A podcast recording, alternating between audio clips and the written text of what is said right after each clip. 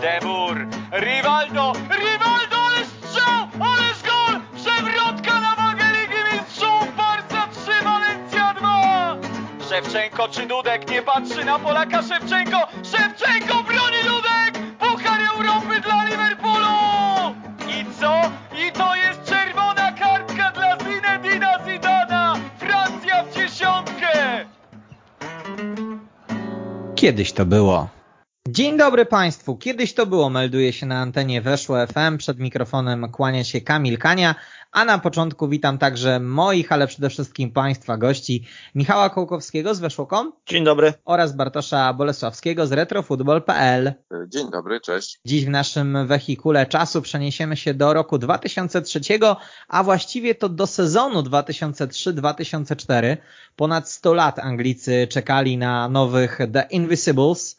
Pierwszymi i długo jedynymi byli piłkarze Preston North End, które wygrało inauguracyjny sezon ligowych zmagań jeszcze w XIX wieku. Trzeba jednak, Michał, pamiętać, że łatwiej zrobić to w 22 meczach niż w 38. No rzeczywiście, przy całym respekcie dla wyczynu ekipy z Preston, no to jednak to było, to było osiągnięcie z jeszcze poprzedniego stulecia, czy też no, tym bardziej z XIX wieku, więc mimo wszystko pewne przymrużenie oka trzeba jednak zastosować, nawet jeżeli, jeżeli warto przy, przy pochwałach dla, dla niepokonanego Arsenalu też wspominać, że nie są pierwszą drużyną w dziejach angielskiego futbolu, która, która tak suchą stopą zdołała przejść przez cały sezon, no to, no to zupełnie inną skalą osiągnięcia jest to, czego dokonali kanonierzy już w XXI stuleciu przy, przy zupełnie innej konkurencyjności też, też na poziomie angielskiej ekstraklasy, a, a to, co, to, co wykonało Preston, no totalnie, totalnie inne czasy i, i wyczyn ten XIX-wieczny wspominamy raczej w kategoriach ciekawostki, natomiast sukcesy, czy też ten pojedynczy sukces Arsenalu ligowy, no to jest inna kategoria. To już stawiamy kanonierów w gronie najlepszych drużyn swojej epoki i można się tylko zastanawiać na ile wysoką, na, na ile wysoką pozycję zapracowali podopieczni Arsena Wengera w takich rozmaitych historycznych rankingach. No oczywiście z takiego kronikarskiego obowiązku trzeba odnotować, że, że Arsenal był drugi, a Preston North End jako pierwsze zakończyło sezon bez porażki. Natomiast jak inne to były czasy, jak dawne to były czasy, może by świadczyć chociaż to, że dopiero pierwsza dekada XX wieku przyniosła wyodrębnienie takie ścisłe pozycji bramkarza. Wcześniej bramkarz był, grał w tej samej koszulce co inni zawodnicy i mógł łapać piłkę na całej połowie swojej. Więc to był tak naprawdę zupełnie inna piłka nożna. Więc to takie czasy, no już żaden świadek tych wydarzeń nie żyje. Więc to tylko tak z kronikarskiego obowiązku mówimy też o Preston. Ja sobie też z ciekawości, bo w sumie nie wiedziałem, czy w polskiej lidze komukolwiek udało się kiedyś też przejść sezon suchą stopą. No i ciekawostka, że był to Widzew Łódź w sezonie 95-96, pierwszy z dwóch tytułów mistrzowskich pod wodzą Franciszka Smudy, gdzie faktycznie mieli siedem remisów i resztę zwycięstw.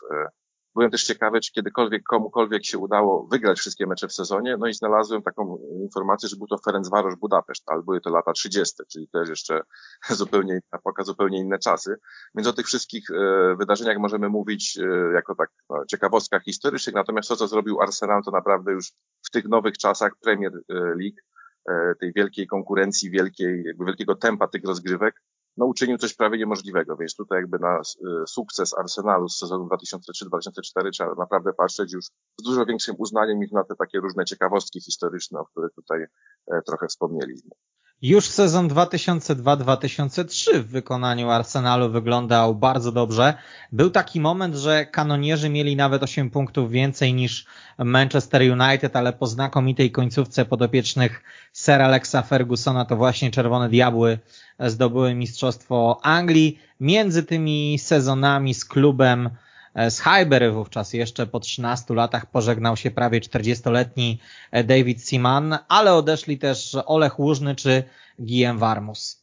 Generalnie ten początek XXI wieku w wykonaniu Arsenalu jest trochę trudno ocenić, ponieważ Manchester United po tym jak wywalczył potrójną koronę w 1999 roku, oczywiście w stylu no, spektakularnym z niezapomnianym finałem Ligi Mistrzów na czele, wkroczył w okres przebudowy. Sir Alex Ferguson e, poczuł taką potrzebę trochę, trochę przetasowań nie tylko personalnych, ale i taktycznych. E, wydawało mu się, że, że ten jego styl, który przyniósł największe sukcesy e, właśnie ekipie Czerwonych Diabłów e, z duetem York Cole z przodu, no jest trochę, trochę, trochę stał się archaiczny i że, że, że, że Manchester United potrzebuje e, gry na jednego wysuniętego napastnika e, z, z dziesiątką za jego plecami i duetem jeszcze środkowych pomocników zabezpieczających całą, e, całą sytuację w środku pola. No i pomysł szkockiego menadżera był taki, żeby tym super snajperem na nowe czasy dla Manchesteru United był Ruud van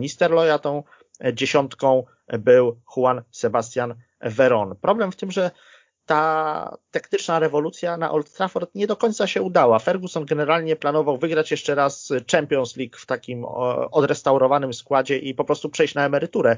On już w okolicach 2002 czy 2003 roku zgłaszał jakby takie, takie pragnienie, żeby, e, żeby pomału kończyć swoją trenerską karierę. Czuł się spełniony zresztą, co, co nie może nie może dziwić, bo już wtedy był niezwykle utytułowanym szkoleniowcem, a przecież ile jeszcze, jeszcze przed nim, jak się okazało, było, e, było zwycięstw.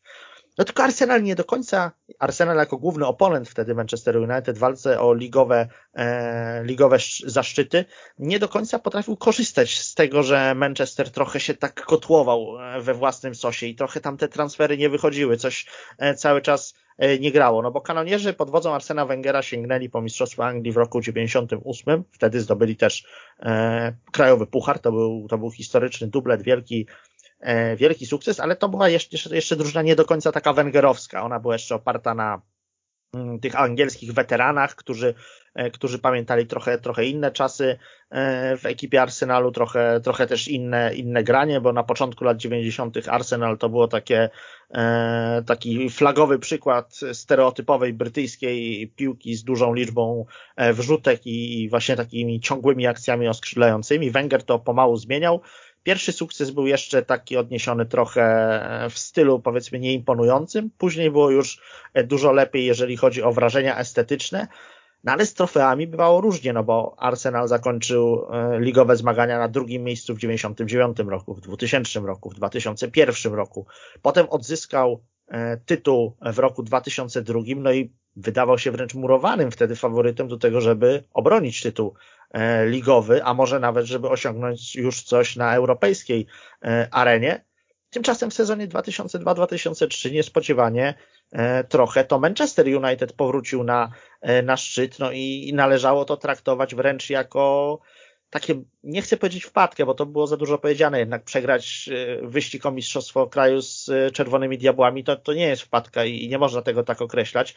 No ale w obozie Arsenalu było ogromne poczucie niedosytu. Oni, Patrice Vieira zresztą po latach mówił, że, e, że byli na tyle mocną drużyną, że powinni co najmniej raz obronić tytuł, że powinni zawiązać, jak to Amerykanie mówią, dynastię, to znaczy wygrać kilka, kilka mistrzostw kraju z rzędu, zdominować krajowe podwórko, tak jak to czynił Manchester United. To im się nie udało i być może właśnie ten niedosyt wynikający z niepowodzenia w 2003 roku, e, z tego, że nie dowieźli tytułu, że dali się e, wyprzedzić Manchesterowi United, zaowocował e, no tym, co się wydarzyło w sezonie 2003-2004.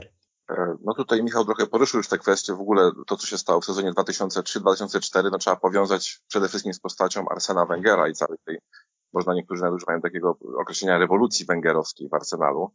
E, Arsen Wenger przyszedł do Arsenalu w 1996 e, roku. E, no i też tutaj nie można mówić, że on zrobił ze średniej drużyny drużynę mistrzowską. Przecież Arsenal ciągle był w czołówce Premier League czy Ligi Angielskiej, zdobywał mistrzostwa jeszcze w 1989-1991 roku, więc to nie była jakaś średnia, który nagle został wywindowany do czołówki, to cały czas czołowa drużyna angielska. Natomiast Arsen Wenger no, na początku nikt go nie kupował. No, 96 rok to są jeszcze te czasy takiej piłki angielskiej. No, Tony Adams, Paul Merson, Martin Kuhn, no to są wszyscy tacy zawodnicy typowo angielscy, wiel, wielkie chłopy, którzy po prostu e, siłą fizyczną tutaj tłamszą przeciwników. Był ten słynny Drinking Club, o którym pisał chociażby Paul Merson, czy też Tony Adams w książkach, które się ukazały po polsku, czyli ja przypomnę, że to było zawsze tak, w Arsenalu był we wtorek bardzo solidny trening fizyczny i środa była wolna, więc E, potem treningu fizycznym wszyscy szli no, po prostu na ostre chlanie do baru, bo w środę można było dochodzić do siebie. E, no i przychodzi nagle Arsen Wenger, który w ogóle przychodzi jakiś chudy koleś w okularach, który bardziej wygląda jak jakiś wykładowca informatyki na uczelni, a nie trener piłkarski, więc na początku trochę go nikt nie kupował w tym Arsenalu.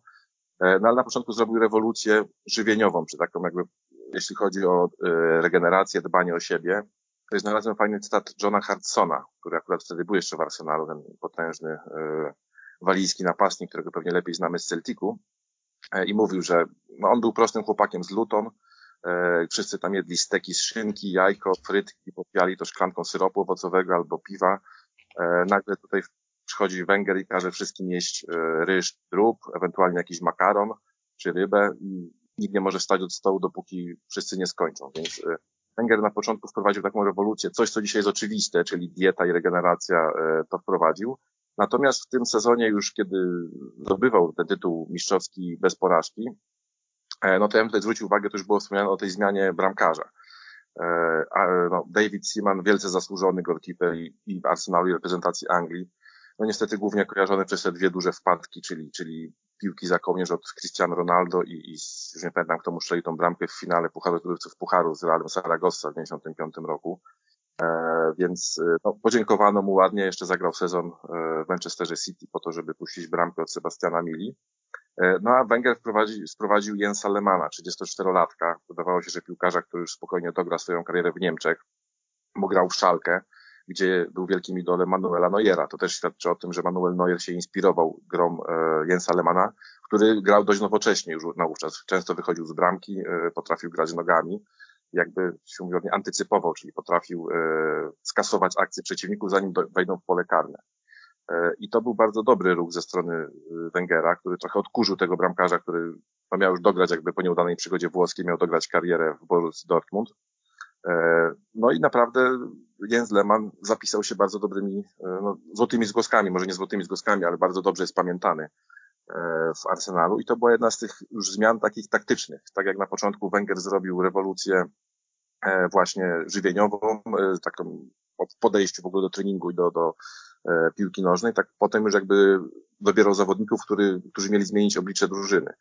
E, no i jakby apogeum tego jego sukcesu to był właśnie 2003-2004. Jeszcze taka ciekawostka. Przed sezonem jeszcze 2002-2003, czyli tym przegranym takim dość, no można powiedzieć pechowo, oczywiście nieznacznie z Manchester United, dziennikarz chyba Daily Mail, już nie pamiętam, zapytał się Wengera, czy to jest możliwe, żeby e, wygrać mistrzostwo i nie przegrać ani jednego meczu. No i Wenger powiedział, że tak, oczywiście to jest możliwe. Trenerzy tego nie mówią, bo nie chcą zapeszać. E, ale, ale, ale to jest jak najbardziej możliwe. E, no i chyba w dziesiątej kolejce przegrali e, z Evertonem, słynna pierwsza bramka w Premier League Wayne'a Runeya, wcześniej gol Tomasza Radzińskiego, czyli Kanadyjczyka z Polski, można powiedzieć. No i wtedy się śmiano trochę tak z Węgiera, że no co ty w ogóle gadasz, że nie ma możliwości, żeby 38 meczów w tak silnej lidze jak angielska, żeby, żeby chociaż raz nie przegrać. Więc trochę się dostało po głowie Węgerowi za te słowa. Nawet podobno Martin Kuhn miał do niego pretensje, że jeszcze przed startem sezonu zbyt dużą presję wywołał na drużynę. Ale ostatecznie no, Węgier był konsekwentny, przez lata budował, budował tą swoją drużynę, dokładał różne cegiełki. E, no i faktycznie ten sezon 2003-2004 to było apogeum jego sukcesu. No, nigdy już Arsenal nie był tak wielki potem. Padło już tutaj nazwisko Jensa Lemana, który mimo wszystko było tyle ryzykownym ruchem, że kiedy wyjechał z Niemiec, to w Milanie mu się nie powiodło i to jest eufemizm z mojej strony. Francuski menadżer sięgnął też po, jak to miał w zwyczaju, zdolnioną młodzież Filipa Senderosa, Johanna Giroud, Gaela Clichy'ego oraz 16-letniego wychowanka Barcelony Seska Fabregasa.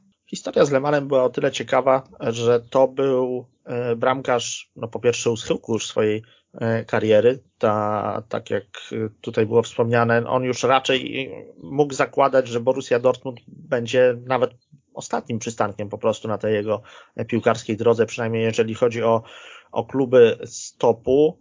E, dlatego Leman potraktował tę ofertę z Arsenalu no, z taką dużą dozą ekscytacji przy, pojawiła się okazja, żeby, żeby zagrać w Anglii e, i, i tak na, na koniec spróbować e, swoich sił jeszcze trochę w jakimś nowym wyzwaniu, w nowym otoczeniu. Bardzo, bardzo go to e, podekscytowało. Działacze Borusi trochę się nie chcieli zgodzić na odejście golkipera, natomiast Arsenal był zdeterminowany, sam Lehmann też był zdeterminowany, żeby opuścić dotychczasowy klub, no i, no i udało się ten transfer dopiąć, co było tyle ważne dla, dla kanonierów, no że Lehmann jednak wniósł e, trochę inny charakter niż e, u Davida. E, ten, który, którym jakby mógł imponować David Seaman przez lata, ponieważ David Seaman to była siła spokoju, taki dosyć pogodny facet, trochę nawet jowialny, można powiedzieć. Natomiast Lehmann, no dla, czy dla swoich kolegów z defensywy, czy, czy w ogóle dla partnerów zespołu, potrafił być trochę cierniem w tyłku. Taki był wiecznie, wiecznie niezadowolonym z postawy swoich partnerów E, zawodnikiem. Miał często pretensje, na treningach podkręcał atmosferę, chciał, wymagał cały czas od otoczenia jak, jak najwięcej. W szatni potrafił się odezwać, nawet e, nie znając dobrze języka angielskiego, gdzieś tam wbijał kij e, w mrowisko co, co nie w każdej drużynie byłoby, byłoby pożądane. Pewnie, pewnie w niejednym zespole Lehmann e, z takim podejściem by, e, by się nie sprawdził. Natomiast w Arsenalu akurat to pasowało, ponieważ Wenger miał do dyspozycji oczywiście wiel, wielu e, liderów takich piłkarskich, zawodników niesamowitej klasy, a to byli trochę, trochę cisi zawodnicy, no bo i Robert Pires to nie jest taka, taki jakiś tytan, jeżeli chodzi o charyzmę. I Denis Bergkamp zawsze był takim raczej zawodnikiem imponującym na boisku, ale poza nim trochę wycofanym. Nawet Thierry Henry, który fenomenalną formę prezentował w tamtych latach, nie był takim typowym materiałem na, na kapitana ze względu właśnie na swoje jakieś charyzmatyczne atuty.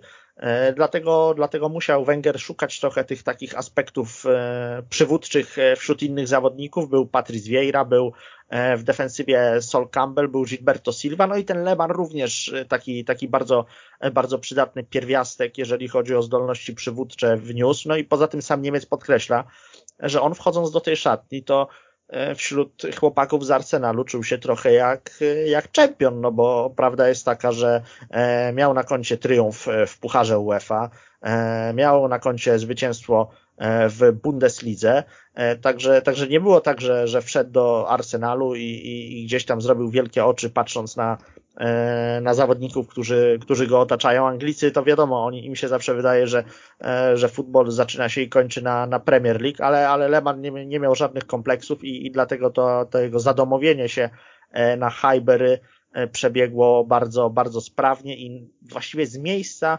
stał się kluczową postacią zespołu w sezonie E, tym, kiedy, kiedy kanonierzy ani razu e, w lidze nie zaznali smaku porażki. To ja jeszcze może pociągnę trochę wątek Jensa Lemana, bo, jest bardzo ciekawy. E, wydaje mi się, znaczy ciężko teraz mówić, co miał na myśli Węgier, ale to była pewnie inwestycja na rok, dwa, tak myślał Węgier, jak sprowadzał 34-letniego bramkarza, a Leman spędził tam 5 lat i to 5 bardzo dobrych lat. On w pewnym czasie mocno naciskał go Manuel Almunia, no ale jak się okazało, podatek Almunia to nie był ten rozmiar kapelusza. Natomiast no, też bardzo skorzystał e, na tej swojej dobrej grze w Arsenalu Lehmann w kontekście reprezentacji, no bo pamiętamy, że przed Mistrzostwami Świata 2006 wygryzł ze składu wielkiego Olivera Kana e, i zagrał jakby jako pierwszy bramkarz reprezentacji Niemiec na e, Mistrzostwach Świata 2006 i potem na Euro 2008, gdzie, gdzie Niemcy przegrali w finale z Hiszpanią.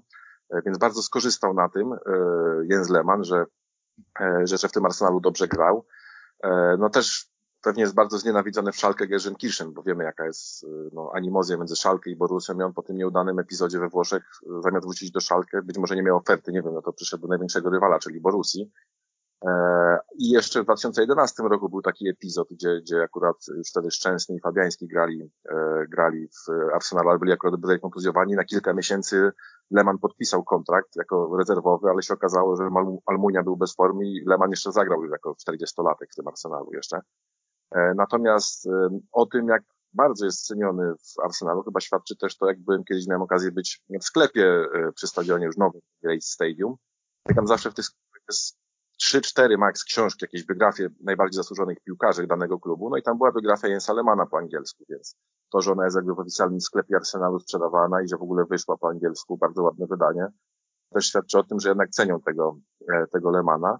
E, no i tak, żeby już przejść tutaj konkretnie do tego sezonu 2003-2004, no to Lehmann był takim jakby no jednym, jednym, ale bardzo kluczowym wzmocnieniem tego klubu, e, Arsenalu przed tym sezonem, e, kiedy byli niezwyciężeni. Przyszli też no, młodzi zawodnicy jak Clichy czy, czy Fabregas, o którym, o którym Kamil wspominał. Natomiast no, to była melodia przyszłości. Fabregas to był rocznik 8-7, to był no, taki super zdolny rocznik w Barcelonie. To był też Piqué, Messi, i tam jak w biografii Messiego była taka wzmianka, że czemu Fabregas odszedł, przecież mógł spokojnie być wprowadzany do, do Barcelony, ale on stwierdził, że jeszcze długo nie ma szans przy Xavim, przy Inieście, żeby zaistnieć w Barcelonie, dlatego odchodzi do Arsenalu, gdzie, no i faktycznie się tak sprawdziło, że tam jakby wyrobił sobie markę i do Barcelony wrócił. E, natomiast wszystkie te pozostałe transfery to była melodia przyszłości, chociaż Kliszy chyba tam kilkanaście meczów zaliczył ostatecznie. E, no ale był jeden, ale bardzo konkretny transfer, który no, bardzo pomógł Arsenalowi e, zdobyć mistrzostwo, nie przegrywając żadnego meczu. Czyli oczywiście Jens Lehmann. Jeszcze co do transferów, to musimy dodać e, znów z kronikarskiego obowiązku, że w 2003 roku do Arsenalu trafił także Michal Papadopoulos z Banika Ostrawa. No niestety ani jednego meczu ligowego nie zagrał, więc mistrzostwa Anglii mu się nie zalicza, ale powetował sobie tę stratę w 2019 roku, sięgając po mistrzostwo w Polsce z Piastem Gliwice. Wydaje mi się, że E, sukces porównywalnego e, kalibru, więc e, tutaj również ten drobny wkład Papadopoulosa należy odnotować. Sezon w Premier League kanonierzy rozpoczęli od czterech zwycięstw. Dopiero w piątej kolejce zatrzymało ich Portsmouth. Po drugim z rzędu remisie przyszły kolejne wygrane, między innymi z Chelsea czy Liverpoolem. Jeżeli chodzi o początek sezonu, tak z perspektywy czasu patrząc, to tak naprawdę Arsenal najbliżej wyłożenia się e, w tym swoim niepokonanym marszu to był właśnie na starcie rozgrywek, no bo weźmy choćby e, mecz otwarcia jeszcze sierpniowy, czyli, czyli spotkanie z Evertonem. 25 minuta, Sol Campbell wylatuje z boiska z czerwoną kartką, no i, no i są kłopoty. Wprawdzie potem Arsenal zdołał wyjść na dwubramkowe prowadzenie za sprawą swoich francuskich gwiazd, czyli Thierry'ego Henry Auriego i Roberta e, Piresa, no ale takie spotkanie już, już pierwsze i już z jakimś takim tutaj e, potknięciem w postaci tego czerwonego kartonika. Potem czwarta kolejka i od, w zasadzie od dziesiątej minuty Arsenal przegrywa na wyjeździe e, z Manchesterem City. Dopiero w drugiej połowie przechyla e, szale zwycięstwa na, na własną korzyść. Także, także niby były cztery, cztery spotkania wygrane przez kanonierów, ale na pewno nie w tak przekonującym stylu, żeby one zwiastowały e, jakieś e, nieprawdopodobne tutaj historyczne osiągnięcia. Raczej było, było trochę wątpliwości wokół tego, jak się londyńska drużyna prezentuje. No a w piątej serii spotkań przyszedł jeszcze domowy remis z Portsmouth, wówczas zespołem nie jakimś tam słabym, ale też nie aspirującym do E, powiedzmy europejskich e, pucharów, no i, i wówczas kanonierzy znowu e, przegrywali, znowu musieli gdzieś po rzucie karnym odwracać przebieg spotkania, odwracać losy tego, tego meczu, a jednak nie wygrali.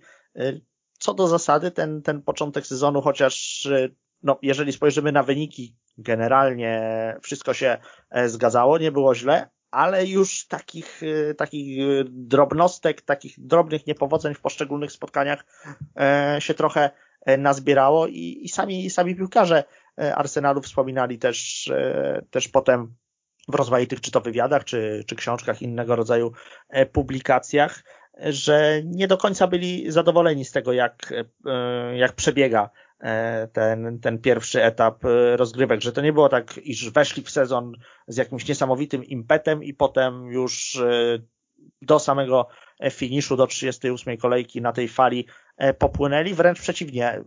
Myślę, że Arsenal potrzebował trochę, trochę czasu na, na rozpędzenie się w tych rozgrywkach. Tutaj Michał wspomniał o tym meczu z no, który był zremisowany po karnym i ten karny chyba też tam był taki trochę, jak to mówię, miękki karny. Były pretensje, czy w ogóle powinien zostać odgwizdany. E, potem e, była inauguracja Ligi Mistrzów e, fazy grupowej, gdzie na Hyber jeszcze wtedy Arsenal dostał w czapkę 3-0 od Interu Mediolan. I to tak przegrał, znaczy tam jeszcze Henry karnego nie strzelił, ale generalnie tam Leman chyba jakieś dwie piłki, no generalnie mogło się skończyć nawet 0-5 tak naprawdę i to był taki naprawdę mocny krąg po prostu od, od włoskiej, włoskiej drużyny. I kilka dni później jechali na mecz na Old Trafford, Manchester United. I tutaj no, po, po takiej dość dotkliwej porażce w Lidze Mistrzów jedzie się na jakby boisku głównego rywala, to naprawdę sytuacja była ciężka. No i ten mecz z Manchester United, y, to był jeszcze wrzesień 2003, no te, też pamiętam, tam było 0-0 pod koniec meczu Vieira chyba wylatuje y, z czerwoną kartką, 81 minuta, za próbę kopnięcia, znaczy machnął nogą jakby odruchowo, co, coś jak David Beckham i Diego Simeone, z tym, że on nikogo nie kopnął, ale za zamiar, że chciał kogoś kopnąć, wyleciał. Też taka dość wątpliwa czerwona kartka. E, I w ostatniej minucie rzut karny dla Manchesteru. E, podchodzi Ruud van Nistelrooy i trafia w poprzeczkę. E, potem podbiega Martin Kuhn, go popycha i się, no, jakaś tam wiązanka leci w jego stronę. Piłkarze Arsenalu też jakąś wiązankę w stronę Nistelrooya puszczają, też jakby obarczając go winą, że wymusił swoim zachowaniem tą czerwoną kartkę dla, dla Vieiry wcześniej. Więc, więc to jest taki początek dość dużego konfliktu, zarówno Alexa Fergusona z Arsenem Wengerem, jak i w ogóle piłkarzy Manchester United z Arsenalem. Potem są te słynne przepychanki, czy jakieś kłótnie Roya Kina z Patrykiem Vieirą, to już dwa lata później, ale, ale to jakby ciągle są reperkusje tych, tych, tych sytuacji konfliktowych i tej walki. Co ciekawe, po tej całej przepychance pod koniec meczu po nieszczelonym karem Roya, bardzo grzecznie zachowywał się Roy Keane i też znalazłem taki bardzo ciekawy cytat. No, Roy Keane, który uchodzi w zasadzie takiego człowieka, który pierwszy jakby skacze do bitki. E, natomiast e, wtedy e, zachował się bardzo spokojnie i jakby nawet odciągał swoich zawodników, żeby uspokoić sytuację. Po latach powiedział o tym w taki sposób. Żywiłem do Arsenalu sporo nienawiści, żadne inne słowo nie przychodzi mi do głowy, tylko nienawiść. Nie przypominam sobie, żebym lubił kogokolwiek stamtąd. Wiedziałem, że w meczach przeciwko nim muszę być maksymalnie rozjuszony. Nie myślałem w ten sposób o żadnej innej drużynie. Tamtego dnia zachowywałem się bez, bez zarzutu i bardzo tego żałuję. Więc to taki, można powiedzieć, typowy Roy Keane, który teraz ciągle jako ekspert w telewizji angielskiej mówi, że teraz to są chłopaczki, a nie mężczyźni, że tylko się skupiają na Instagramie zamiast na twardej męskiej walce, więc taki typowy Roy Keane. Ale faktycznie od tego meczu zaczął się taki duży konflikt i te wszystkie niesnaski na linii Arsenal-Manchester, czy może bo wcześniej też już były.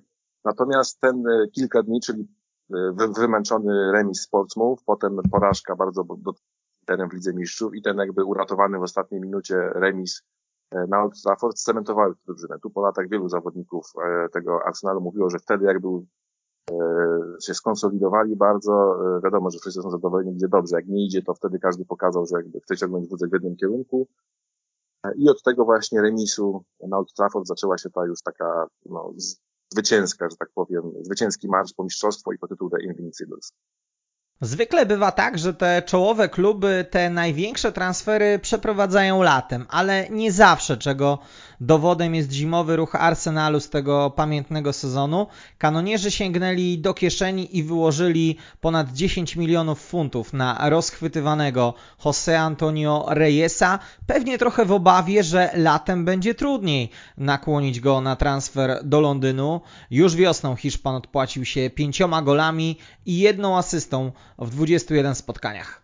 Myślę, że wtedy Jose Antonio Reyes e, przychodził z reputacją super perełki do Arsenalu i to było w zasadzie e, taka trochę demonstracja siły ze strony i kanonierów i całej Premier League, że taki e, hiszpański diamencik wybiera akurat Londyn, a nie jeden z najpotężniejszych klubów ze, e, ze swojego kraju. To była e, ważna, ważne wzmocnienie dla Arsenalu, ponieważ Wenger wydaje mi się, że słusznie zauważył, iż za, trochę za dużo meczów kanonierzy, nawet tych zwycięskich, przepychali, że brakowało im takiego elementu zaskoczenia, trochę, trochę właśnie tej, tej dynamiki, jaką wprowadzał Reyes, no bo on to, to za młodo był niesamowicie szybki zawodnik, a przy okazji błyskotliwy drybler. On to, on to po prostu miał, no, no tak to trzeba, tak to trzeba ująć.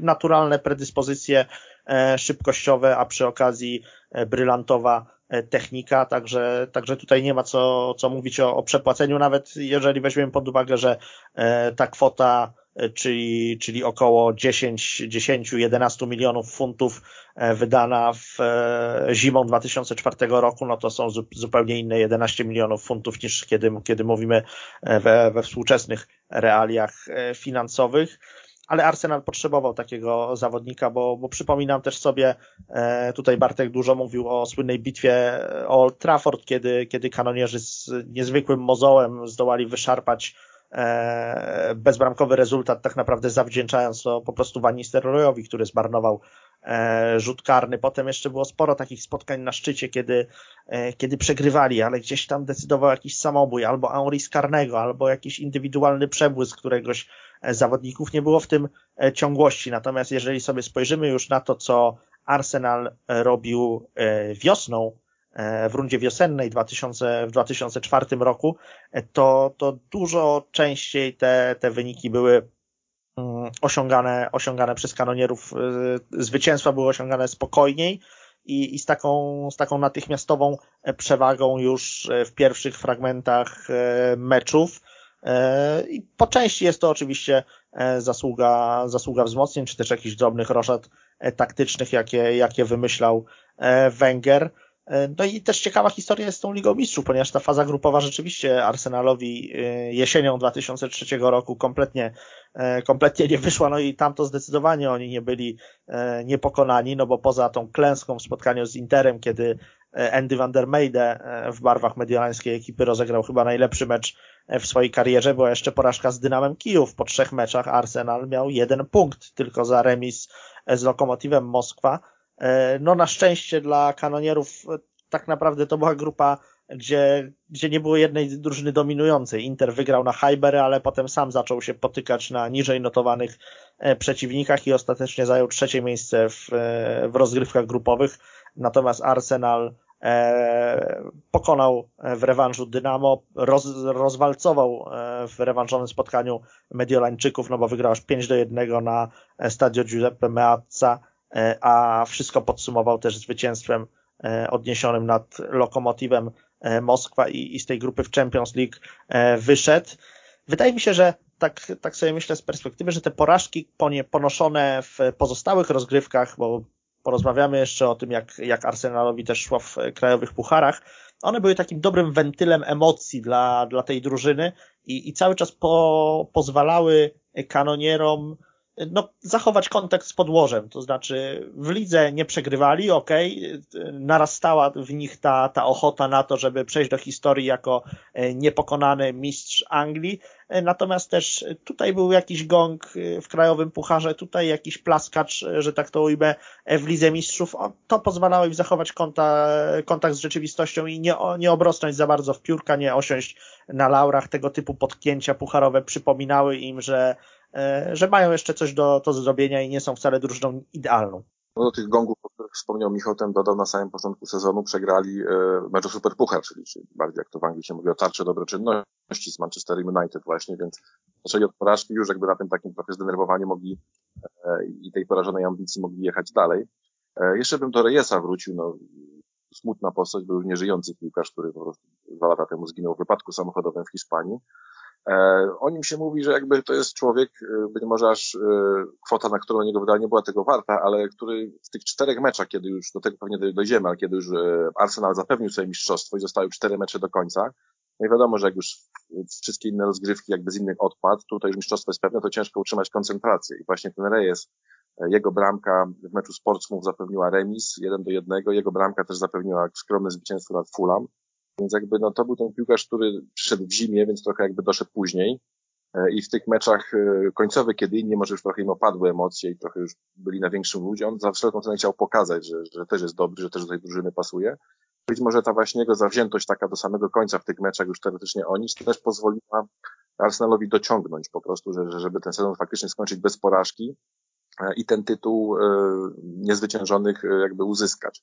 No to jest też wiadomo, że odpadli tutaj z e, Pucharu Anglii, z, e, przegrywając z Manchesterem United. E, no też ani razu nie wygrali z Manchesterem United, bo chyba były dwa remisy z tego, co pamiętam w tym sezonie. W rewanżu też, więc, więc generalnie no nie było łatwo. Ale no, jakby to zdobycie tytułu niezwyciężonych było czymś, czego Manchester United nigdy nie zdobył, więc to jakby w tej takiej rywalizacji, no bo wtedy faktycznie głównie te dwie drużyny liczyły się w lidze angielskiej, dopiero potem Chelsea doszła.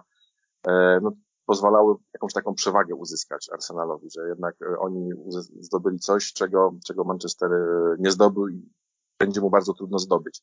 Więc tutaj jakby ta e, postać Reyesa była kluczowa w tych, zwłaszcza ostatnich meczach. A ogólnie wydaje mi się, że jeśli chodzi o Arsenal, to, to, to mimo wszystko warto było wydać te pieniądze na Reyesa, bo zaliczył kilka dobrych sezonów w Arsenalu. No, co prawda potem grał i w Atletico i nawet miał epizod z Realu Madryt, ale chyba już y, na ten poziom, y, na ten poziom, który prezentował w Arsenalu nie wszedł. Znaczy, pamiętam, że jak usłyszałem informację o, y, o Rejesie, że, że no, zginął w wypadku, tak szukałem potem, gdzie on tak grał ostatnio, bo jakby trochę z radaru, więc to pokazuje, że on jakoś miał bardzo dobre kilka lat, ale dość szybko, dość szybko zaczął się jego zjazd. No można też odnotować, że jest rekordzistą jeżeli chodzi o liczbę triumfów odniesionych, y, czy to w Pucharze UEFA, czy Lidze Europy, bo w sumie nazbierał ich aż pięć, trzy w barwach e, Sewilli, a dwa e, z Atletico e, Madryt. No to też świadczy o tym, że ostatecznie pomimo tych, tych wielkich zapowiedzi nie stał się tym zawodnikiem z takiego topu topów, ale, ale bardzo wysoki poziom prezentował w Premier League. Trzeba też powiedzieć, że trochę, trochę brutalnie się z nim obchodzili E, przeciwnicy, zwłaszcza w tym kolejnym sezonie już po mistrzostwie, czyli, czyli sezonie 2004-2005 był taki słynny, kolejne słynne starcie i bardzo brutalne Arsenalu z Manchesterem United, gdy e, no po prostu to jak e, gwiazd, obrońcy Czerwonych Diabłów na czele z Garym Nevillem pomiatali tym biednym rejesem po, po murawie, wołało pomstę do nieba. Jestem przekonany, że e, no dzisiaj to posypałyby się po prostu kartoniki i szybko by utemperowano e, te, te agresywne zapędy graczy Manchesteru, no ale jeszcze tych 15 lat temu e, podejście do, do bezpardonowej walki o piłkę, chociaż trudno to nazwać walką o piłkę, bo Manchester, piłkarze Manchesteru po prostu kopali Reyesa po nogach z pełną premedytacją, no ale podejście sędziów było wtedy dużo, e, dużo bardziej wyrozumiałe dla faulujących, a nie dla faulowanych. Od 20 kolejki Arsenal prowadził w tabeli i nie oddał tego miejsca już e, innej drużynie. Chwilę później, bo 10 stycznia 2004 roku The Gunners rozpoczęli imponującą serię dziewięciu wygranych z rzędu. Przerwał ją dopiero remis z Manchesterem United, z tym piekielnym Manchesterem United, który nie dał się pokonać ani razu, o czym Bartek już e, wspomniał, a sam wygrał w FA Cup. Drugim i zarazem jedynym klubem Premier League, który nie dał się pokonać tamtemu Arsenalowi, e, było Portsmouth. To prawda, Portsmouth, które co ciekawe prze, przegrało z Arsenalem 1 do 5 bodajże w ćwierćfinale Pucharu Anglii, także akurat tam e, potrafili sobie kanonierzy z tymi rywalami poradzić to w niesamowitym stylu, ponieważ e, wówczas no, taki popis e, zafundowali swoim przeciwnikom Thierry Henry z Frederikiem Ljungbergiem, że E, pod koniec na Fraton Park gości, drużne gości nagrodzono owacją, oklaskami.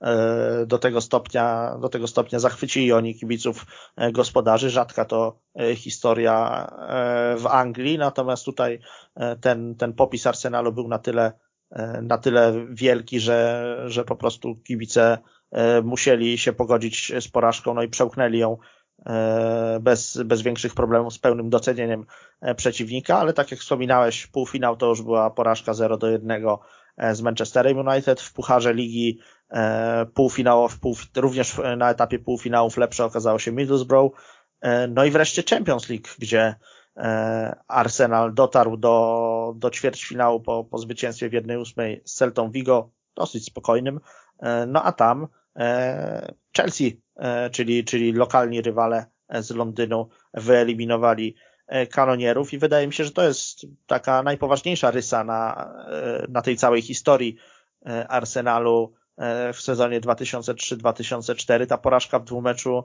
z Chelsea, no wydaje mi się, że drużynie aspirującej gdzieś w takich właśnie różnych historycznych zestawieniach na najlepsze drużyny nie powinna się przytrafić na krajowym podwórku E, The Blues, e, jasne, mieli już wielkie aspiracje, ale jeszcze nie byli tym zespołem, e, który mógł, mógł myśleć o, o zatriumfowaniu, o zdobyciu Mistrzostwa Anglii. Troszeczkę jeszcze The Blues brakowało. No natomiast w Lidze Mistrzów dał się Arsenal zaskoczyć i, i myślę, no powtórzę, to jest taka, taka rysa na tym, na tym wizerunku, ponieważ jednak największe drużyny e, w historii e, futbolu podkreślają też swoją e, pozycję, czy swoją klasę, czy, czy, swoje, czy swój dorobek triumfami na, na europejskiej arenie, a tutaj takie, takie odpadnięcie w ćwierćfinale. Trochę, trochę mimo wszystko biorąc pod uwagę z, taką potęgę tego Arsenalu i możliwości tej drużyny, to myślę, że ćwierćfinał Ligi Mistrzów jeszcze z krajowym rywalem, to ja to widzę trochę jak odpadnięcie w przedbiegach. To tutaj, tak jak mówiłem o tym trudnym tygodniu jesienią, kiedy była ta porażka z Interem, trudny mecz na Old Trafford, słynna bitwa na Old Trafford. Podobnie trudny tydzień przyszedł na przełomie marca i kwietnia, kiedy, no tutaj już wspominał o tym Michał, odpadli z Ligi Mistrzów z Chelsea. Zadecydowała bramka Wayna Bridge'a, który potem był znany z tego słynnego konfliktu z, z Johnem Terrym o, o, o kobietę, ale już nie będę tego wątku rozwijał. No i jeszcze w międzyczasie odpadli też z Krajowego Pucharu, przegrywając to, o czym też wspomnieliśmy z Manchester United. No i nagle przychodzi mecz z Liverpoolem, to jest 9 kwietnia 2004 z Liverpoolem, no żeby tutaj te wątki polskie jeszcze wyeksploatować z Jurkiem Dudkiem w bramce. No i nie szło w tym meczu Liverpool, Arsenalowi. Liverpool strzelił 1 do 0, wyrównali, ale strzelił na 2 do 1. No i do przerwy Liverpool prowadził, prowadził. i wtedy, tak jak czytałem we wspomnieniach piłkarzy, Martin Kuhn, czyli zawodnik, który no, bardzo doświadczony stoper, który już powoli odchodził, on po sezonie odszedł z Arsenalu po tym sezonie niezwyciężonym, bo on już tam jakby tracił miejsce na rzecz Sola Campbella i Colo Touré, ale był jeszcze w tej drużynie, no i on właśnie taką płomienną przemowę wygłosił w przerwie meczu z Liverpoolem, jakby zachęcił kolegów. No i faktycznie, faktycznie się udało. No tutaj jakby popis Thierry'ego Henry, który strzelił hat-tricka, też bardzo dobry mecz Piresa, który jedną bramkę dołożył i tam chyba też miał jedną asystę, więc to słynne francuskie trio, czyli Pire, Pires, Henry i, i Vieira, które ciągnęło ten, ten Arsenal w tym sezonie 2003-2004. No i o tym meczu z Liverpoolem też się dużo mówi, że jak w którymś spotkaniu Arsenal miał te punkty stracić, to właśnie tu była bardzo duża szansa, można powiedzieć, bo Liverpool to też była świetna drużyna, która to już nie miała za bardzo szans na mistrzostwo, no ale, ale był tam Owen, był e, Gerrard, było wielu świetnych zawodników, e, a mimo tego, że źle się to zaczęło, to Arsenal potrafił to odwrócić, e, no i, no i to zwycięstwo raz, że sprawiło, że tej porażki nie ponieśli, też jakoś napędziło ich, że, że to mistrzostwo było coraz bliżej, no bo umacniali się na pozycji lidera, tak, to było takie spotkanie to, to przeciwko The Reds, kiedy, kiedy Arsenal rzeczywiście, nawet Gerard Ulie, wówczas szkoleniowy z Liverpoolu, po meczu użył takiego określenia, że Arsenal był jak zranione zwierzę e, w tym spotkaniu i rzeczywiście coś w tym było, bo sami Hypia e, no, momentalnie wyprowadził e, drużynę gości na prowadzenie na Highbury, potem Henry utrzymał Arsenal przy życiu, ale znów gola strzelił Owen i Liverpool był no widać było, że to Liverpool jest w tym meczu taką, taką drużyną wiodącą i, i chyba mocniejszą e, psychicznie. Dopiero przerwa odmieniła e, totalnie e, losy tego spotkania. Aczkolwiek no, trzeba mimo wszystko podkreślić po prostu indywidualną klasę Henry'ego, bo to, co on wtedy, wtedy wyprawiał w takich kluczowych momentach, jakim był zawodnikiem dla Arsenalu, kiedy, kiedy drużyna potrzebowała właśnie takiego lidera ofensywy, no to, to przechodziło ludzkie, ludzkie pojęcie, bo Henri to były nie tylko, nie tylko bramki, nie tylko tytuły króla strzelców rozgrywek regularnie przez niego e, zdobywane, ale również całe mnóstwo asyst, które, które Francuz e, dokładał. To go różniło od Van Nistelrooya, ponieważ oni mieli taką osobistą bardzo rywalizację Mówiliśmy o tym, jaki był konflikt na linii Arsenal-Manchester United i, i, ten taki globalny konflikt przeradzał się w też takie pomniejsze indywidualne starcia, czyli Ferguson kontra Wenger, kto kogo przechytrzy, e, Kin kontra Vieira, kto tam kogo mocniej przetrąci w środkowej strefie boiska, no i Auri kontra Van Nistelrooy, kto strzeli więcej e, bramek. Holender podobno miał opowiadał o tym choćby Ryan Giggs, miał obsesję na punkcie Auriego. Po każdym meczu e, sprawdzał, ile tam równolegle padło bramek w spotkaniu Arsenalu i na przykład jak strzelił w, dla Manchesteru dwa gole, a tutaj włącza telewizor w szatni, Auri hat-trick. I Van już niezadowolony w ogóle przestaje cieszyć się e, ze zwycięstwa swojego zespołu, przejmuje się tylko tym, że, że nie, sam nie zdobył tylu bramek, ile, e, ile należało, żeby utrzymać tempo narzucane przez Francuza. No tylko mówię, Banisteroid to była dziewiątka. Fenomenalna, fantastyczna list pola karnego, co się zowie, ale dziewiątka, a Auriego było wszędzie pełno. Dość powiedzieć, że on na przykład wykonywał w Arsenalu e, rzuty rożne, nie pchał się tam gdzieś w pole karne, żeby, żeby dostawić szuflę e, w tłoku, tylko, tylko brał się do dośrodkowań i, i trochę asyst w ten sposób e, zaliczał nie był aż tak pazernym zawodnikiem na gole, one przychodziły po prostu, po prostu przychodziły same, e, same, same z siebie, sposób w jaki poruszał się po boisku i jego technika gwarantowała mu niesamowite strzeleckie wyczyny. Nie musiało być tak, że cała drużyna grała na Auriego. To był jego, jego swoisty fenomen. Na przykład dzisiaj też możemy porównać, jak gra Cristiano Ronaldo. Bardzo często po prostu koledzy notorycznie szukają go dośrodkowaniami w polu karnym i ja nie mówię, te, że to jest coś złego, po prostu taktyka jak każda inna. Natomiast Henri te swoje bramki strzelał tak płynąc, E, po prostu razem e, z całą ofensywą. Było, było w, tej, w tej ofensywnej grze Arsenalu takie naturalne flow dzięki niemu. Już 25 kwietnia na cztery kolejki przed końcem sezonu Arsenal zapewnił sobie mistrzostwo, do którego wystarczył mu remis w derbach z Tottenhamem. Rzeczywiście ten remis okazał się wystarczający. Remis e, wywalczony dosyć spokojnie, no bo tam pamiętajmy, że gol dla, dla Spurs w tym derbowym starciu padł, e, ten na 2-2 wyrównujący padł dopiero, o ile pamiętam, w czwartej minucie doliczonego czasu gry, na pewno z rzutu karnego wówczas trafił do siatki Robbie King, to już było już no mówmy się, piłkarze Arsenalu już myślami byli po prostu na fecie e, z okazji mistrzostwa i, i tyle na ten temat. E, no i, i wtedy pojawił się e, problem przed Arsenem Wengerem, no bo jest mistrzostwo, jest tytuł, e, w zasadzie puchary już te pozostałe Liga Mistrzów i tak dalej, e, no, no już z głowy.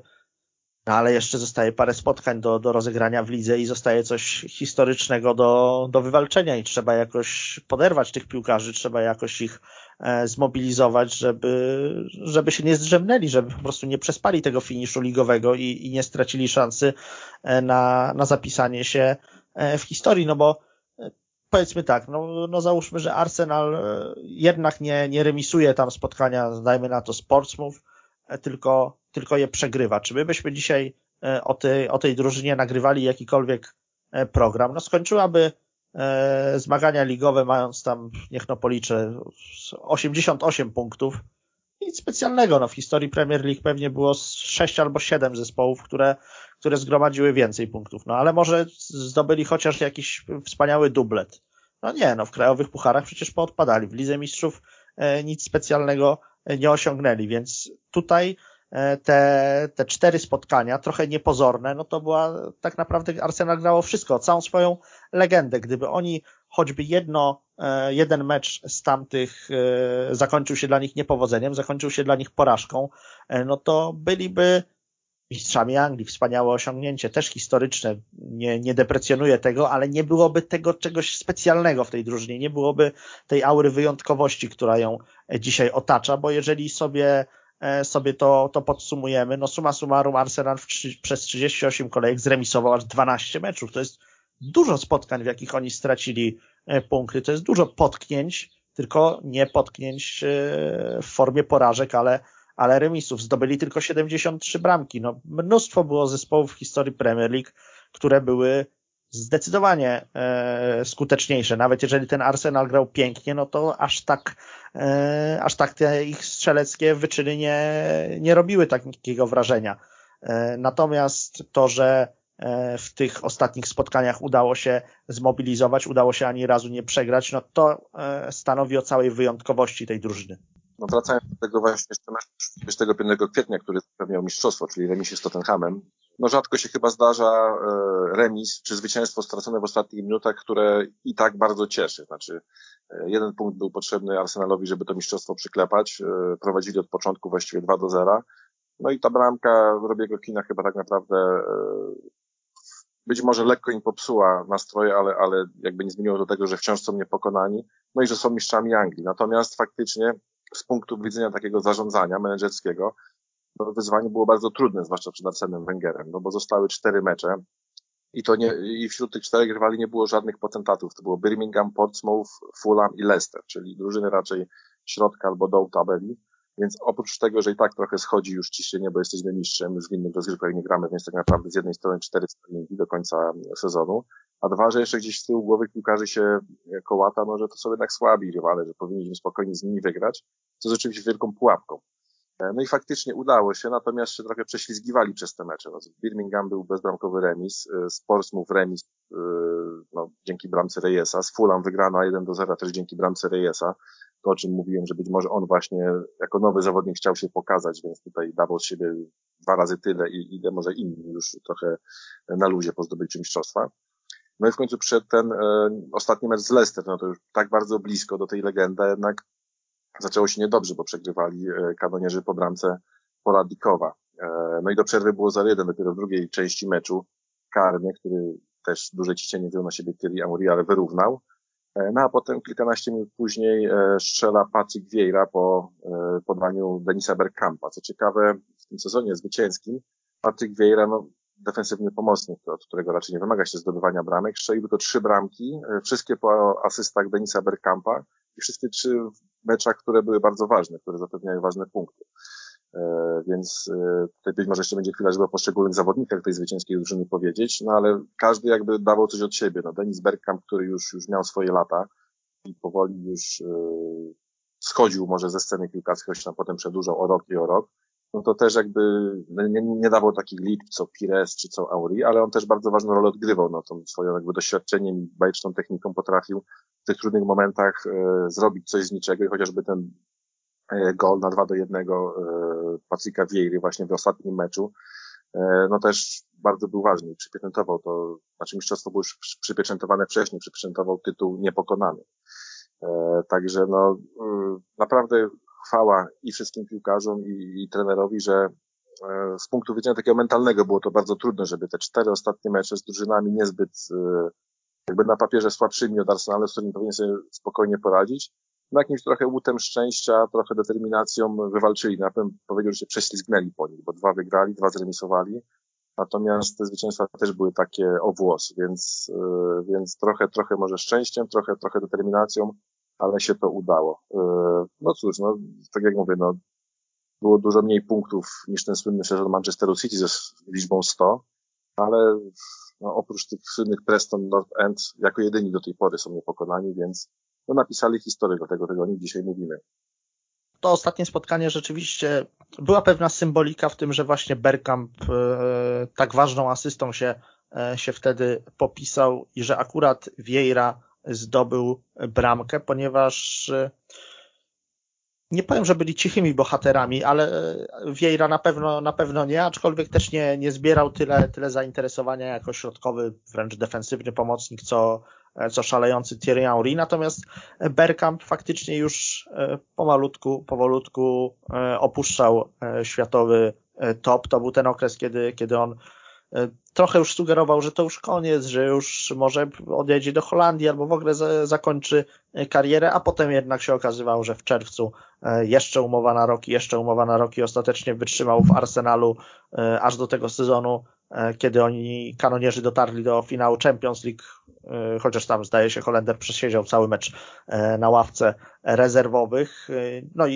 i Ligi Mistrzów suma summarum z Arsenalem nie wygrał, bo wtedy lepsza okazała się Barcelona, ale taką swoją fajną cegiełkę w ostatnim meczu rozgrywek dołożył. Też meczu niełatwym, bo tam Leicester e, prowadziło. Arsenal się jednak e, z, podźwignął, zdołał, e, zdołał zwycięstwo odnieść, no i przypieczętować ten, ten było nie było historyczny wyczyn, który, który tę drużynę niewątpliwie unieśmiertelnił. Aczkolwiek, tak jak, tak jak już wspominałem, pod czasami E, mam wrażenie, że to, e, to, to dokonanie, to, to historyczne osiągnięcie Arsenalu, czyli, e, czyli, czyli zakończenie rozgrywek bez ani jednej porażki. Wiadomo, że jest to coś absolutnie nie, nie, niebywałego i niezwykle rzadko spotykanego. Ostatnio próbował Liverpool zmierzyć się z legendą E, niezwyciężonych, ale, ale poległ, e, mimo że punktowo e, sezon zdaje się zakończył z bardziej okazałym dorobkiem. No natomiast też nie chciałbym, czasem odnoszę takie wrażenie, że ta drużyna jest aż przeceniana z uwagi na to, co, co zrobiła na polu ligowym. Mnie mimo wszystko w Arsenalu Wengera i tutaj mówię globalnie, nie tylko o tym jednym sezonie, ale też o całej jego tej, tej kadencji, a w zasadzie to jej pierwszej części, bo potem już tam te perypetie po zmianie stadionu, trochę, trochę finansowo się to wszystko tam pozmieniało, już, już na tym się nie skupiam i na tym schyłku kadencji Francuza, natomiast ten, ten początek no trochę moim zdaniem brakuje paru, paru, paru dokonań, które, które w jakimś moim osobistym e, przekonaniu postawiłyby Arsenal jeszcze, jeszcze wyżej. No nigdy nie udało mi się obronić tytułu w Premier League, co uważam, że jest dużym brakiem e, i, i, i czymś, co, co jednak rzutuje na, na obraz tego zespołu.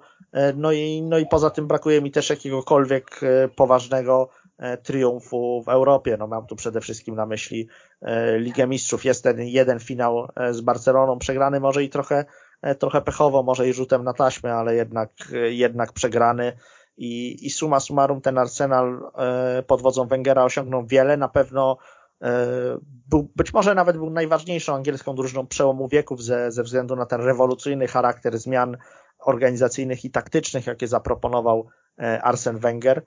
Natomiast no, nie popadałbym w przesadę, jeżeli chodzi o, o ocenianie tego zespołu i stawianie go gdzieś na piedestale wśród E, wśród najlepszych drużyn w historii Premier League, bo tak Bogiem a prawdą to e, wydaje mi się, e, może to nawet będzie obrazoburcze, co powiem, że londyńska Chelsea, która odebrała z rąk Arsenalu Mistrzostwo Kraju w kolejnym sezonie, tak naprawdę była drużyną mocniejszą, lepszą i zresztą rozgrywki zakończyła z dużo bardziej okazałym wynikiem punktowym, no dużo bardziej, pięć punktów więcej zgromadzili, nie tak znowu dużo, ale przegrali jeden mecz, no i to jest ta, to jest ta różnica, że o Chelsea e, tej, tej sezonu 2004-2005, którą, którą dowodził Jose Mourinho, e, pewnie długo takiego programu e, nie nagramy. I decyduje o tym tak naprawdę tylko, tylko jedna porażka w jakimś nieistotnym spotkaniu ligowym. To jest,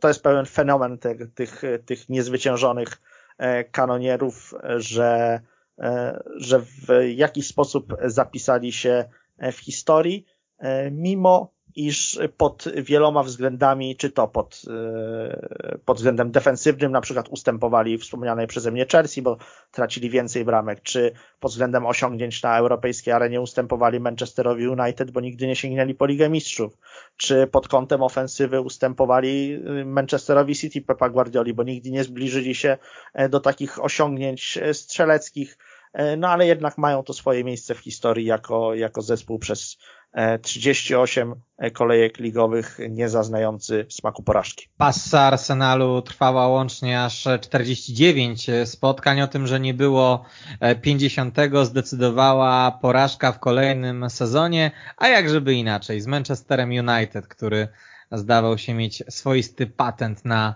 e, The Gunners. E, tym akcentem kończymy dzisiejszy program. Wspominaliśmy The Invisibles, czyli Niepokonanych, czyli Arsenal z sezonu 2003-2004, e, który zdobył Mistrzostwo Anglii, nie ponosząc w tej bardzo wymagającej lidze choćby jednej porażki. Za uwagę dziękuję już Państwu Michał Kołkowski, Weszło.com.